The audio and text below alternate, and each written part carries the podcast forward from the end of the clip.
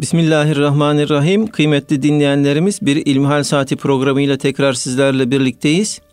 Yüce Rabbimizin selamı, rahmeti ve bereketi üzerimize olsun efendim. Sizlerden bize ulaşan ilmihal sorularını değerli hocamız Doktor Ahmet Hamdi Yıldırım cevaplandırıyor. Muhterem hocam ilk sorumuz şöyle.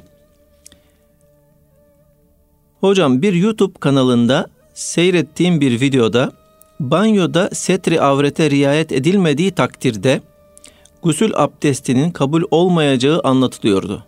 Yani banyoda üstümüze bir havlu sarmamız lazım yoksa gusül abdesti kabul olmuyor diyor. Bu doğru mudur?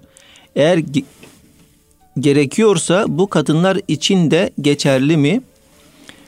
Bir de gusül abdesti alacağımız yerde önce idrar yapıldıysa ve daha sonra gusül abdesti alırsak gusül abdesti kabul olur mu diye soruyor. Elhamdülillahi Rabbil alemin ve salatu ve selamu ala Resulina Muhammedin ve ala alihi ve sahbihi ecmain. Değerli kardeşimizin bu sorusundan ben birkaç noktaya temas etmemiz gerektiğini anladım Basri Hocam. Birincisi dinimizi öğrenirken kaynağımız neler olacak? Mesela diyor ki kardeşimiz YouTube'da diyor bakarken böyle bir videoya denk geldim. Buradan hareketle bir şüpheye düştüm. Size sormak istiyorum diyor.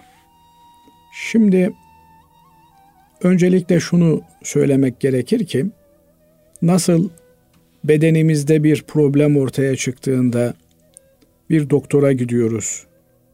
Uzman arıyoruz, araştırıyoruz, soruyoruz. Dinimizle ilgili, ibadet hayatımızla ilgili, muamelatımızla ilgili dini hükümleri sormak için de yine sorup araştırmamız ve işin uzmanlarına müracaat etmemiz gerekiyor. Maalesef internet ortamında bir takım sosyal iletişim mecralarında herkes bir takım dersler, bir takım vaazlar yapabilmekte. Bir kontrol mekanizması olmadığı için gerçi internetin haricinde de böyle bir mekanizma söz konusu değil. Ben hocayım diyen ortaya çıkıp ahkam kesebiliyor. Oysa tarihimize baktığımızda, mazimize baktığımızda Ebu Hanife rahmetullahi aleyh mezhebimizin kurucusu kabul edilen Ebu Hanife Hazretleri 18 yıl bil fiil hocası Hammad'ın fıkıh halkasında, fıkıh meclisinde ders görüyor. 18 yıl. Ondan önce de yani 22 yaşına kadar devrinin yine en büyük alimlerinin eğitim meclislerinde, ilim meclislerinde bulunuyor. 40 yaşına geldiğinde 18 yılını Hammad hocasının önünde bitirdikten sonra hocası vefat edince meclisin yani o ilim meclisinin tabiri caizse Hammad'ın akademisinin önde gelenleri Ebu Hanife'ye buyurun siz bu halkanın reisliğini yapın diye teklif ediyorlar. Israrlı tekliflere rağmen Ebu Hanife Hazretleri ancak diyor hocamın halkasındaki eski kıdemli öğrencilerden en az 10 kişi her gün mecliste bulunmak şartıyla ben diyor ders vermeyi kabul ederim. Niye? Kendisini sağlama alıyor. Olur ya yanlış bir şey söylersem o kıdemli öğrencileri, Hammad'ın kıdemli öğrencileri Ebu Hanife'yi düzeltirler.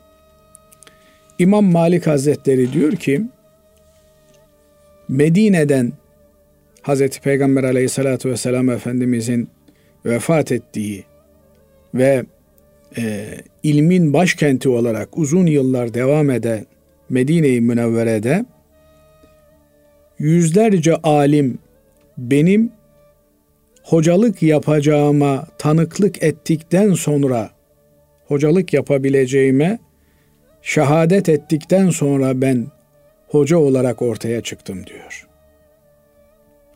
Dolayısıyla bizim geleneğimizde bir icazet vardır. Yani hocanızdan aldığınız artık hocalık yapabilir. Artık fetva verebilir. Artık bu kitapları tedris edebilir şeklinde bir belge müteselsilen Hazreti Peygamber aleyhissalatü vesselam Efendimiz'e kadar gider. Bu belge ile hocalık yapabilir. Buna rağmen insanın yanlış yapması söz konusudur. Dilinin sürçmesi söz konusudur. Binaenaleyh bir meseleyi araştırmak, sormak, sonuna kadar takip etmek bizim boynumuzun borcudur. Yoksa işimize geliyor diye herkes olmaz derken olur diyen birini bulduk. Onun sözüne itimaden günahı boynuna diye devam ettik. Burada biz vebalden, mesuliyetten kurtulmuş olmayız. Cenab-ı Allah فَلَنَسْأَلَنَّ الَّذ۪ينَ اُرْسِلَ اِلَيْهِمْ وَلَنَسْأَلَنَّ الْمُرْسَلِينَ buyuruyor. Biz peygamberleri de hesaba çekeceğiz. Peygamberlerin gönderildiği ümmetleri de hesaba çekeceğiz. Bu bir anlamda hocaları da hesaba çekeceğiz. Hocaların vaaz nasihat ettiği cemaatleri de hesaba çekeceğiz anlamına gelir.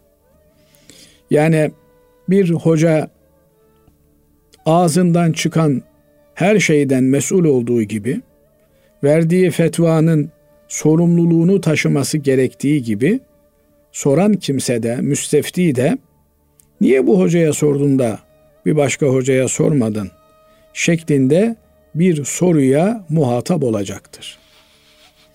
Eğer ben bu hocayı daha alim gördüm, daha takvalı gördüm, daha dini yaşayan biri olarak gördüm. Efendim dinine, diyanetine güven duyduğum insanlar bu hocaya müracaat ediyorlardı. Onlara sordum. Onlar da bana bu hocayı tavsiye ettiler diye geçerli olabilecek bir sözü varsa kurtarır. Ama ya bu hocanın söylediği benim hoşuma gidiyordu. Benim zaten arzu ettiğim istikametteydi diye söylerse o zaman sen hocaya değil de kendine uygun olan bir kişiye danışmışsın cevabını verirler ki bu durumda bir insan vebalden kurtulmuş olmaz. Şimdi gelelim banyoda gusül abdesti alırken örtünmemiz gerekiyor mu gerekmiyor mu? Gusül abdesti üç defa ağzımıza su vererek, üç defa burnumuza su vererek bütün vücudumuzu yıkamamızdan ibaret. He, ağzımıza burnumuza üç defa su vermeyebiliriz. Yani onun üç defa yapılması sünnet ama bir defa yapılması farz. Yani ağzımızı, burnumuzu ve bütün vücudumuzu Sıbyan mekteplerinde öğretildiği şekliyle bir iğne ucu kadar kuru kalmayacak şekilde yıkamamız gerekir. Bütün vücudu yıkamamız gerektiği için de elbette e, suyun tenimize ulaşması gerekiyor. Fakat diğer taraftan da e, çıplaklık Velev ki tek başına olalım, yalnız olalım, kimsenin olmadığı bir yerde olalım. Çıplaklık doğru bir şey değil. Binaenaleyh insan yalnızken de kendisinden haya etmeli. Onunla beraber bulunan meleklerden haya etmeli. Mümkün mertebe örtülü olmaya dikkat etmeli. Ama beşeriz, beşeri ihtiyaçlarımız var bazı yerlerde açılmamız gerekiyor. Açıldığımız yerlerde de kimseye görünmemeyi bir şart olarak bilmemiz gerekiyor. Bu şekilde eğer bir yerde banyo yapıyorsak, banyo yaptığımız yer dar bir yerse, yani diyelim ki bir metrekarelik bir yerde banyo yapıyoruz. Bu bir metrekarelik yer işte duşakabinde dışarıyı göstermeyen bir duşakabinde banyo yapıyorsunuz. Bu bir metrekarelik yer bir nevi setri avret olarak kabul edilir. Dolayısıyla insan burada üstünü başını çıkartır, güzelce e, gusül abdestini alır. Bu vesileyle gusül abdestini nasıl alacağını da anlatalım kısaca. Önce insan e, vücudunda muhtemel kirli olabilecek olan yerleri temizler.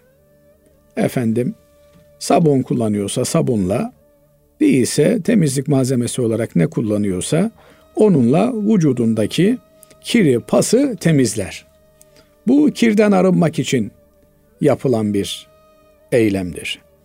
Sonra güzel bir abdest alır.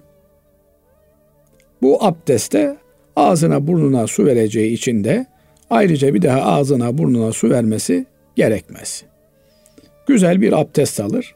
Peşinden de baştan aşağıya e, efendim maşrabayla yıkanıyorsa önce başına, sonra sağ tarafına, sonra sol tarafına su dökülmek suretiyle suyu bütün vücuduna gezdirir ve böylelikle gusül abdestini tamamlamış olur. Eğer maşrabayla almıyor, efendim e, banyodaki aparattan su geliyorsa o zaman önce başının altına başına gelecek şekilde sonra sağ sonra sol omuzuna gelecek şekilde suyun altında durur ve yıkanmasını bitirir. Dikkat edilmesi gereken husus e, elimizde bütün vücudumuzu ovalamak suretiyle suyun vücudun her alanına girmesini temin etmektir. Böylelikle gusül abdestimiz tamam olmuş olur. Gusül abdesti bu dediklerimizde tamam olur. Yani ağzınıza, burnunuza su verdiniz mi, bütün bedeninizi yıkadınız mı, gusül abdestini almış olursunuz.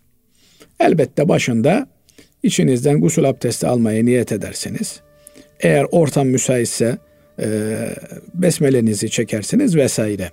Ortam müsaitse diyorum. Neden? Çünkü e, bazen çok affedersiniz e, abdest bozulan yerde usul abdesti almak gerekebiliyor. Özellikle de e, dar olan mahallerde veya e, bir takım yapılarda e, abdest bozma yeriyle duşa kabin e, veya işte e, duş. duş sıcak su aynı yerde bulunuyor. Böyle durumlarda buralar e, necasetin olduğu yerler olduğu için buralarda e, besmele çekmek, ayet okumak doğru değil. Ama müstakil bir yerse e, efendim banyonun bir tarafında tuvalet taşı var diyelim, diğer tarafta da e, duşakabin var e, kapalı. Orada besmelenizi çekersiniz ve güzel bir abdest alırsınız. Abdest alınan yere, gusül yapılan yere e, idrar yapmak doğru bir şey değil. Yani insan e, bu tür ihtiyaçlarını banyo yapmadan önce gidermeli. E, ondan sonra e, banyo yapacağı yere intikal etmeli. Ama insanlık hali o esnada e, bir şey çıkacak olsa o tekrar biz guslümüzü tekrarlarız ve gusül abdesti tamamlanmış olur. Guslümüzü tekrarlarız derken her defasında sıfırdan başlarız anlamına söylemiyorum. E, guslü bozan şeyler farklıdır. Normal abdesti bozan şeyler farklıdır. Gusül yaparken abdesti bozan bir şey elimiz kanadı diyelim. E, tekrar abdest almamız gerekir. Binaenaleyh guslümüzü tamamlamamıza mani bir durum yok. Elimiz kanadığı için de e, abdest alırız ve e, o abdestle de beraber e, namaz kılabilecek bir temizliğe ulaşmış oluruz. Zannedersem bu şekliyle e, son sormuş olduğu kısma da cevap vermiş olduk kardeşimizin. Evet. Allah razı olsun. İkinci sorumuz şöyle değerli hocam. Dinleyicimiz, hocam eşim beni aldattı. Bu sebeple boşanmamız söz konusu. Aldatma sebebiyle olduğu için manevi tazminatın tahakkuk etmesi gündemde. Benim bu tazminatı almam caiz midir? Şimdi zaman zaman e, bu tür konular gündeme geliyor. Şunu açık ve net bir şekilde söylememiz gerekiyor. Bir erkekle bir kadın evlilik müessesesi kurduklarında e, bu evlilik müessesesinde mali yükümlülük kocaya aittir, erkeğe aittir. Binaenaleyh kadın evden tabiri caizse bohçasını alır, çıkar. Evin tutulması, tefriş edilmesi, dayatılıp döşenmesi erkeğe aittir, kocaya aittir. Evin geçimi erkeğe aittir. Nafaka erkeğe aittir. Bütün bunlara ilaveten kadın e, evlendiği erkekten mehir diye adlandırılan bir maddi bedel alır. Bu onun e, evlilik sigortasıdır. Bu aldığı bedel onun evlilik sigortasıdır. Bunun asgarisinin bir sınırı var. Yani asgarisi şu kadar olacak diye işte 10 dirhem olacak diye e, geçiyor. Ama üstünün bir limiti yok. Binaenaleyh bir ton altın, bir trilyon lira ben mehir istiyorum diyebilir bir kadın. Ama ben işte e, bir trilyon lira para istiyorum dedikten sonra evlendi, boşandı. Hangi gerekçeyle boşanırsa boşansın. Ben şimdi iki trilyon istiyorum deme hakkı yok. Onun e, tek bir hakkı var. O da evlenirken kocasından, kocası olacak kişiden talep ettiği mehirdir. Fakat şöyle bir mesele var maalesef. E, genelde e, bizim gibi toplumlarda ortaya çıkıyor. Ortaklıklarda da maalesef böyle oluyor. Evlilikte bir nevi ortaklıktır. Yani ölüme kadar süren veya boşanmaya kadar süren bir ortaklıktır. Ortaklık kurarken aman ne olacak canım aramızda hallederiz diye birçok şeyi konuşmadan, etmeden, e, sağlama almadan ortaklık kuruluyor. Ayrılmaya sıra gelince o Müslüman gibi başlayan ortaklık Müslümanca maalesef sonlandırılamıyor. Evlilikler de böyle oluyor. Yani evlilik Müslümanca başlamalı, Müslümanca devam etmeli, bitecekse de Müslümanca devam etmeli, bitmeli. Maalesef e, bu noktalara dikkat edilmediği için peşinden kırıcı süreçler devam ediyor. Bu yönüyle e, bir kadın evlenirken kendini sağlama almalı. Türkiye'mizde e, araya tabi çok ciddi bir kopukluk girdiği için şimdi bazen diyoruz işte e, komünizm devrinde insanlar 70 sene 80 sene dini tahsilden mahrum kaldılar. E, biz hala dini ahkamdan mahrumuz. Yani araya 100 yıl gibi bir e, açık girmiş. Ama şimdi şimdi insanlar en azından ahirete yönelik olan tarafıyla soruyorlar. Şimdi bu kardeşimiz e, tazminatını alacak belki. Ama ben ahirette sorumlu olur muyum diye endişe ediyor. Niye?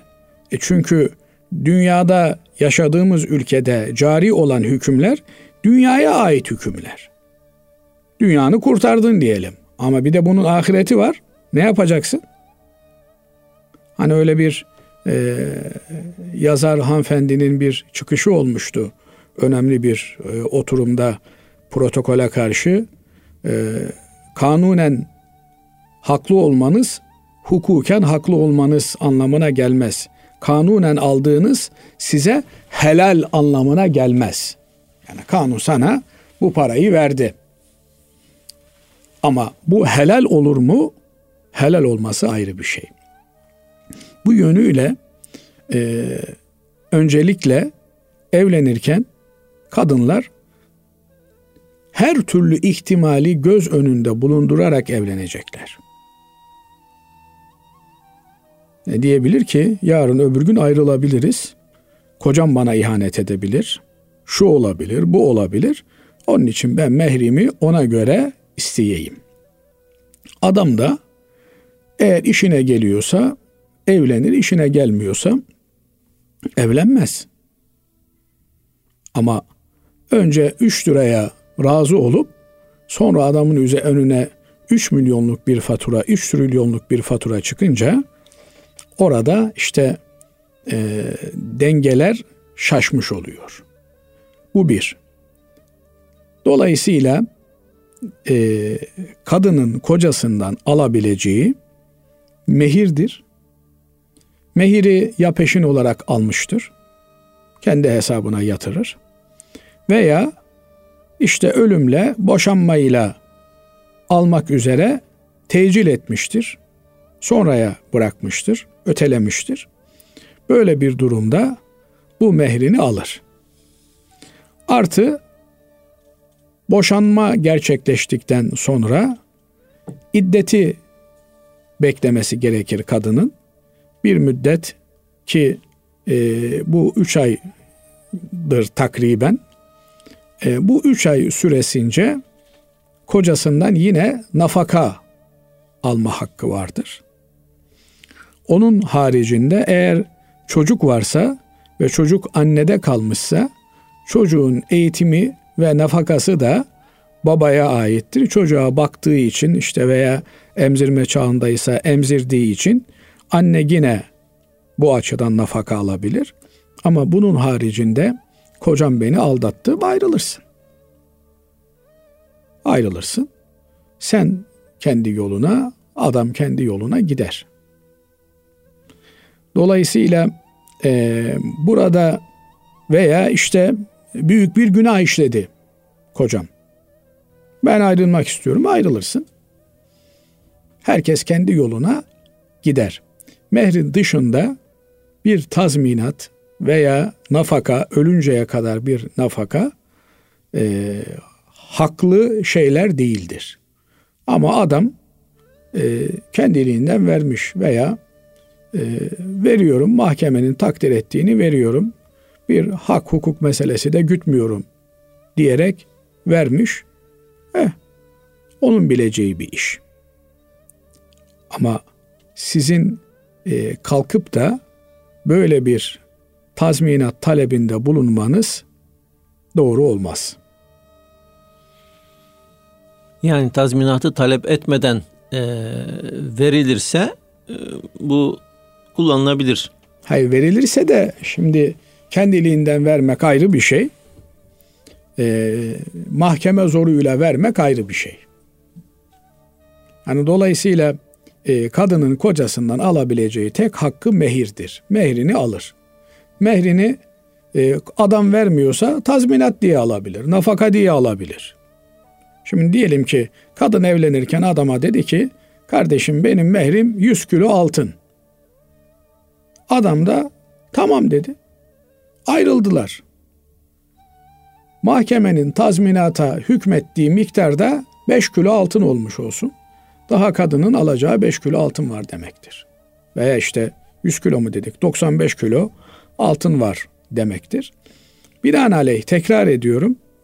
Yani kadın kocasından tek bir kalem isteyebilir. O da mehirdir. O da evliliğin başında istenen bir hadisedir. Evet. Evet Allah razı olsun kıymetli hocam. Değerli dinleyenlerimiz kısa bir araya gidiyoruz. İnşallah aradan sonra kaldığımız yerden devam edeceğiz. Kıymetli dinleyenlerimiz İlmihal Saati programımızda kaldığımız yerden devam ediyoruz. Sizlerden gelen soruları cevaplandırıyor değerli hocamız. Muhterem hocam dinleyicimiz şöyle bize yazmış. Selamun Aleyküm ben 24 yaşındayım. Ablam, abim, babam, annem beraber oturuyoruz. Eve gelen misafir karma kadın erkek e, beraber oturuyorlar. Onlarla birlikte oturmak caiz mi? Bir de emri bil maruf nehyanil münker niyeti ile oturmak uygun mudur diyor. Şimdi temel ilkemiz, prensibimiz erkekler erkeklerle, kadınlar kadınlarla otururlar. Bunun e, istisnaları bir kadın mahremleriyle oturabilir, bir erkek mahremleriyle oturabilir. Yani annesiyle, ablasıyla, efendim teyzesiyle, halasıyla beraber oturabilir. Fakat e, işte ne bileyim köylüsüdür, e, amcasının e, yeğenidir vesaire filan e, uzak akraba veya işte tanıştır, memlekettaştır gibi arada mahremiyet bağı bulunmayan. Ne demek mahremiyet? Evliliklerine engel bir durum bulunmayan. Evlenilmesi yasak olan kimseleri Kur'an-ı Kerim açık bir şekilde beyan ediyor. Kimdir bu? Bir erkek açısından annedir. Efendim anne annedir. Baba annedir. Yukarıya kadar git. Ee, kızıdır, kızının kızıdır. Aşağıya kadar git. Annesinin, babasının çocuklarıdır. Efendim kardeşleridir. Kız kardeşidir. İster üvey olsun, ister e, öz olsun. Üvey kardeş de şu demek, e, ya anne ya baba bir olacak. Anne baba ayrı olan kardeşler üvey kardeş değildirler. Onlar babasının çocuklarıdır. Annesinin çocuklarıdır. Söz gelimi annesi önceden bir evlilik yapmış. E, oradan çocukları var. Gelmiş babasıyla evlenmiş. E, babasının da önceki evliliğinden çocukları var. İşte babanın önceki evlilikten çocukları, annenin önceki evlilikten çocukları birbirlerine mahrem değildirler. Yani evlenebilirler. Yani evlenebilirler. Binaenaleyh eğer e, bir evlilik teessüs ediyorsa, kuruluyorsa ona göre bir e, tedbir almak gerekiyor. Yani eğer hem annenin çocukları hem babanın çocukları yeni eve intikal edeceklerse, yeni evlilik evinde beraber yaşayacaklarsa bunlar akılları başlarına gelinceye kadar beraber yaşarlar ama daha sonra e, mutlak surette ayrılmaları gerekir. Diğer taraftan e, böyle bir ortamda yani misafirler gelmiş, düğün olmuş, dernek olmuş, bayram olmuş, misafirler gelmiş, bin bir yabancı gelmiş. Normal bir e, durumda erkeğin yabancı olduğu kadınlara, kadının da yabancı olduğu erkeklere yani aralarına nikah girebilecek olan, evlilik yapabilecekleri kimselerle aynı ortamda bulunmaları doğru bir şey değil. Fakat bazı yerlerimizin örf ve adetleri maalesef e, bu şekilde kurulmuş. Yani işte Karadeniz'de diyelim aynı köyün insanları e, çok rahat birinin evine kapıyı çalmadan bile girebiliyorlar ki kapıyı çalmadan bir yere girmek yasak bir şey. Yani Kur'an-ı Kerim girmeyin diyor. İzin alarak ve selam vererek girin diyor. Ama adam açıyor anahtarı dalıyor içeriye. Ee, eğer diyor girilmesini istemiyorsa içeriden kapatsaydı kapıyı. Ya kapı niye var? Kapı kapandım ben demek yani. Kapıyı çekti mi kapandı adam. Yine bu tür e, bölgelerin insanları bir arada oturabiliyorlar. Yani aynı köylüyse, yakın akrabaysa. Şimdi burada e, özellikle de yeni dini eğitim almış olan bir delikanlı İmam Hatip'te derste görmüş veya işte ilahiyatta derste görmüş. Kur'an kursunda duymuş ki işte teyzesinin kızı, amcasının kızı e, evlenebileceği kadınlar arasındadır. Bunlarla bir mecliste e, kakare kikiri oturup böyle laubali konuşması doğru değil. Şimdi otursa öğrendikleriyle, diniyle ters düşüyor. Oturmasa bu sefer e, o bölgenin, toplumun adet ve gelenekleri, görenekleriyle ters düşüyor. Ne yapayım? Bu gibi noktalarda hikmet ile hareket etmek lazım. Yani e, tam tesettürlü bir vaziyette bir kenarda e, biraz bulunup ondan sonra tabiri caizse araziye uymak lazım. Ve ısrar edenlere de benim bu ortamda bulunmam doğru değil. Sizin de böyle karışık bulunmanız doğru değil. Buyurunlar erkekler burada otursunlar. Biz bayanlar yan tarafta oturalım rahat rahat konuşalım e, demeli. İşte ben oturayım da orada onlarla çata çat tebliğ yapayım. Bir defa e, tebliğ yapacağımız zemin e, meşru bir zemin olmalı. Dolayısıyla e, tebliğin maksadı üzüm yemektir. Kavga etmek, tartışmak, ben haklıyım davasına girmek değildir. Onun da bir takım usulleri ve adapları var. E, bu tür ortamlarda tebliğ yapayım derken daha fazla e, yara açmak söz konusu olabilir. Hani Türkçemizde kaş yapayım derken göz çıkartmak denir ya.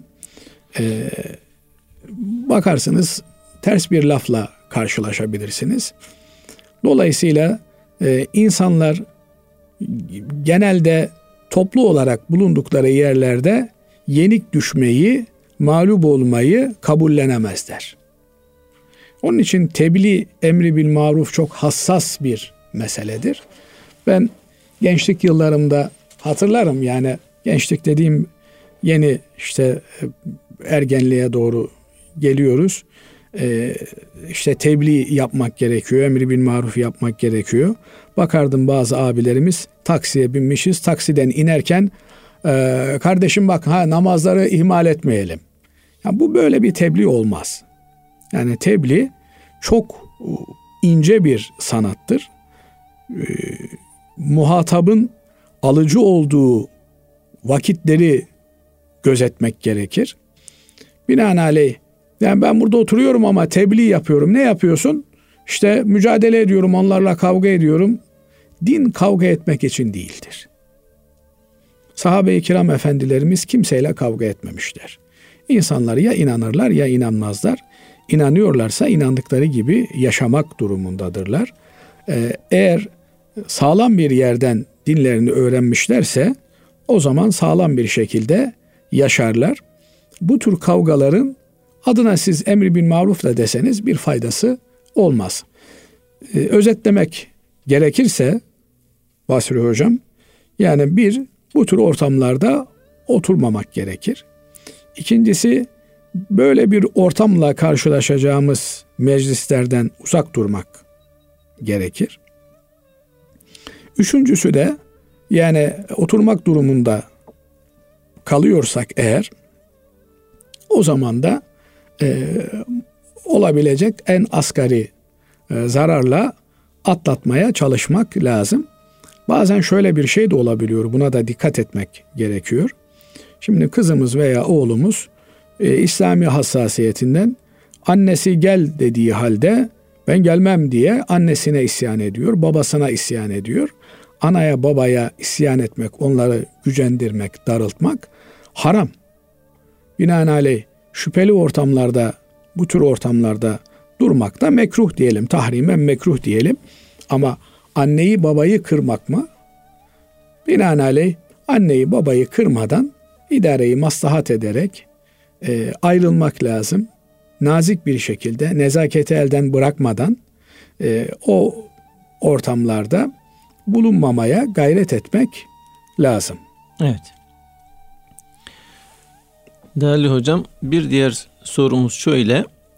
E, bunu başka defalarda e, cevaplandırdık ancak e, tekrar demek ki ihtiyaç oluyor. Selamünaleyküm. Bir camide vekil imam olarak çalışmaktayım. Banka bana maaşımı kendi bankasından çektiğim için hediye olarak 680 lira para gönderdi. Bu parayı kendi ihtiyaçlarım için kullanmam doğru olur mu? Bu para helal midir? Şayet haramsa bunu ben yemin kefareti olarak kullanabilir miyim veya bu parayı hayır kurumuna bağışlayabilir miyim? Şimdi bazen kardeşlerimiz direkt olarak soruyu gönderiyorlar. Halbuki e, yani hem radyomuzun arşivinde hem de e, farklı internet ortamında e, kardeşlerimiz sağ olsunlar e, bu konuşmalarımızı sorulara ve cevaplara bölerek yayınlamışlar. E, arattırıldığında, bakıldığında oralarda bulmak, görmek mümkün olabilir. Mamafi e, sorulduğuna göre bizim vazifemiz dilimizin döndüğünce cevap vermektir. Öncelikle şunu ifade etmek gerekiyor ki eğer e, haram bir yerden bize bir hediye geliyorsa mesela eşkıya milletin malını çalmış, kervan basmış veya hırsız efendim veya uyuşturucu ticareti yapıyor adam veya fuhuş ticareti yapıyor ama çok cömert. Herkese ikramda bulunuyor. Veya tefecilik yapıyor, faiz yiyor. Veya faizli bir müessese. Her ne kadar e, yaşadığımız devlette meşru olarak görülse de faiz, Allah faizi haram kılmış. Faizi kendisine ve peygamberine savaş açmak olarak görmüş. Binaenaleyh e, kardeşim yasak olsa devlet bankası yapar mıydı bunu? Devlet bankası dünyada iş görür. Cenab-ı Allah bize Musa Aleyhisselam'ın Firavun'un sihirbazlarıyla olan düellosundan bahsediyor. Sihirbazlar Musa Aleyhisselam'a saygı gösteriyorlar. Önce siz buyurun diyorlar. Musa Aleyhisselam yok siz buyurun diyor. Hünerlerinizi gösterin. Hünerlerini gösteriyorlar. Peşinden Musa Aleyhisselam işte asasını atıyor. Bir yılan oluyor ve ortadaki bütün yılanları temizliyor. Bunu gördüklerinde sihirbazlar bunun bir sihir olmadığını anlıyorlar. iman ediyorlar. Musa'nın Rabbine biz iman ettik diyorlar. Firavun diyor ki siz bana sormadan nasıl iman edersiniz? Size ben şöyle cezalar vereceğim diyor. Diyorlar ki sen ancak bu dünya hayatında bize ceza verebilirsin. Senin hükmün, senin egemenliğin bu dünya hayatında geçerlidir.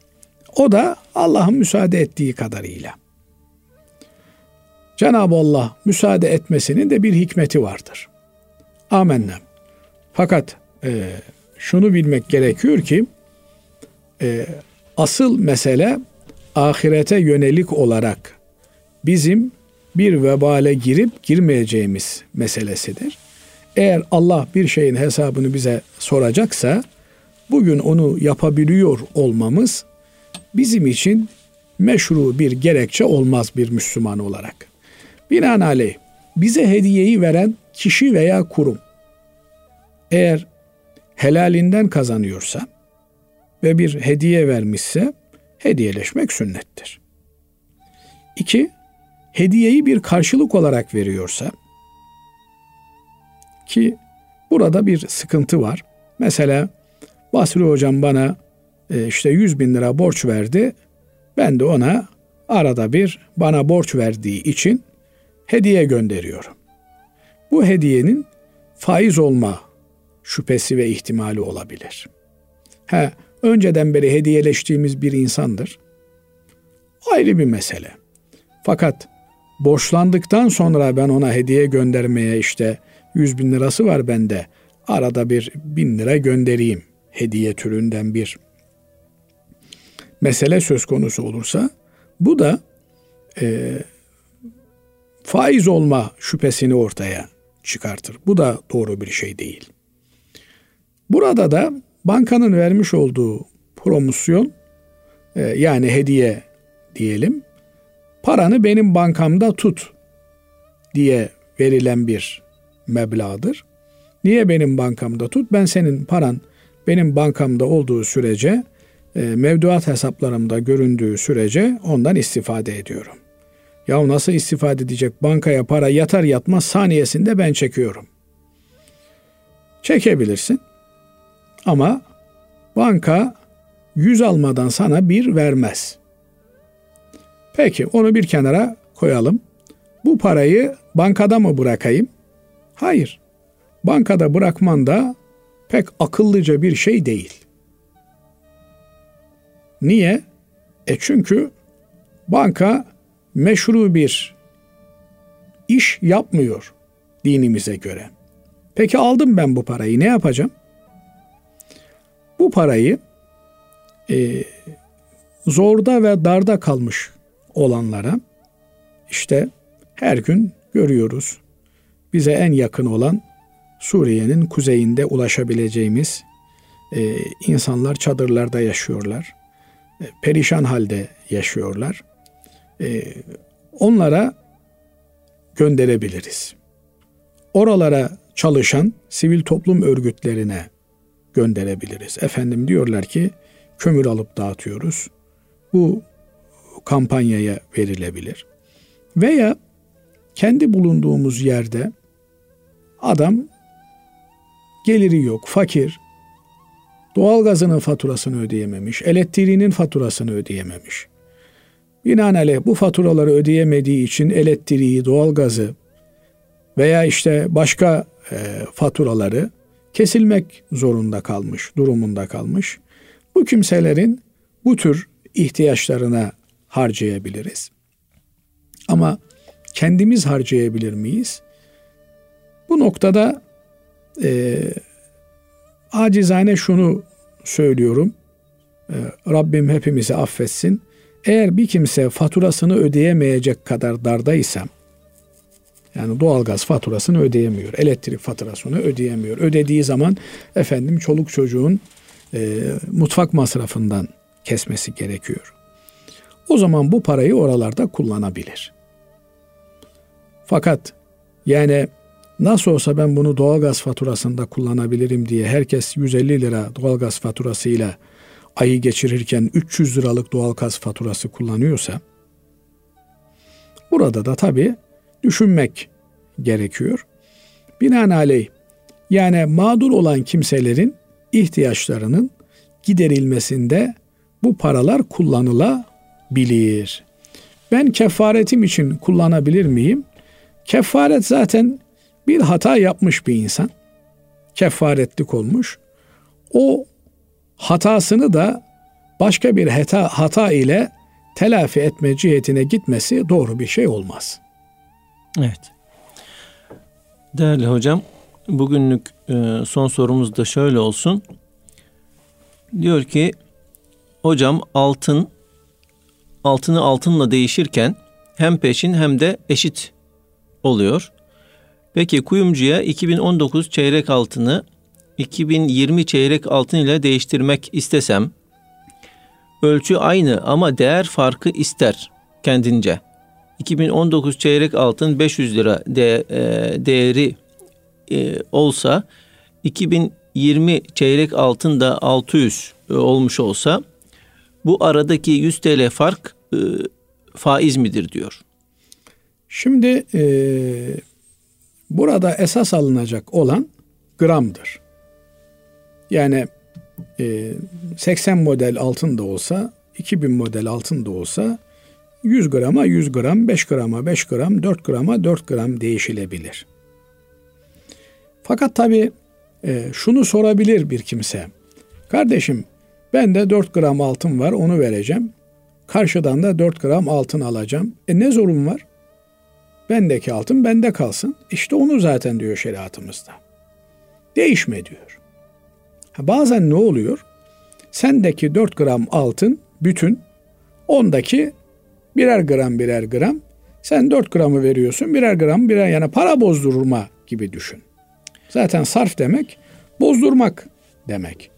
Binaenaleyh. Peki e, küpe veyahut da yüzük e, olsa diyelim ki 5 gram yüzük e, altın veriyorum. E, karşıdan da yani e, 5 gram para şeklinde diyelim ki alıyorum.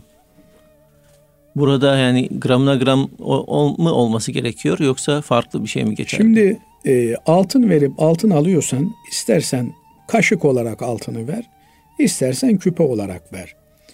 Dinimiz burada grama bakar. Niye? Çünkü bunun faize bir yol olarak kullanılması mümkündür.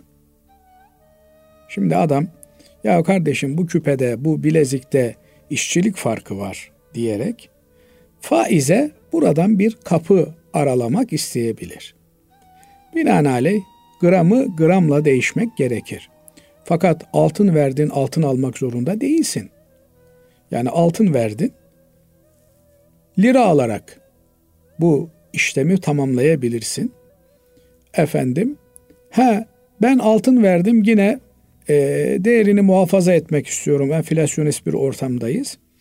E, ben yine altın almak istiyorum derse bir adam, o zaman e, mesela kardeşimizin sorusunda diyor ki ben 2019 e, üretimi altını verdim. Kuyumcu da bana 2020 altını veriyor. Ama karşılığında da bir fark var çünkü alım satım farkı var burada. O farkı talep ediyor. 5 liradır, 10 liradır neyse. Fakat dikkat ederse kardeşimiz kuyumcu yeni altını verirken onu işte ya bir kutu içerisinde veriyor ya bir efendim e, bezden muhafaza içerisinde veriyor. O kutunun bedeli olarak düşünülebilir veya o muhafazanın bedeli olarak düşünülebilir. Veya beraberinde bir şey daha vermesi gerekir. Birebir olduğunda bunlar açık ve net bir hadis olduğu için birebir olduğunda aynı gramajda olması lazım. Fakat eğer üstüne bir şey ilave ediyorsa diyelim ki sen e, 100 gram altın verdin. Karşılığında sana 95 gram altın efendim 10 gram da gümüş verdi. Bunlar birbirlerini 95'e 95 karşılarlar. 5'e 10 e, altınla gümüş karşı karşıya gelmiş olur. Bu gibi muamelelerde e, temel mesele araya başka bir birimin girmesi meselesidir. Evet, böyle yapılırsa bu muamelelerde bir sıkıntı olmamış olur. Kuyumculuk mesleği e, bu yönüyle bir takım tehlikeler barındıran bir meslektir. Mutlak surette bunlara dikkat etmek gerekir. Evet. Allah razı olsun değerli hocam. Kıymetli dinleyenlerimiz bugünkü programın sonuna ermiş bulunuyoruz. Hepinizi Allah'a emanet ediyoruz efendim. Hoşçakalın.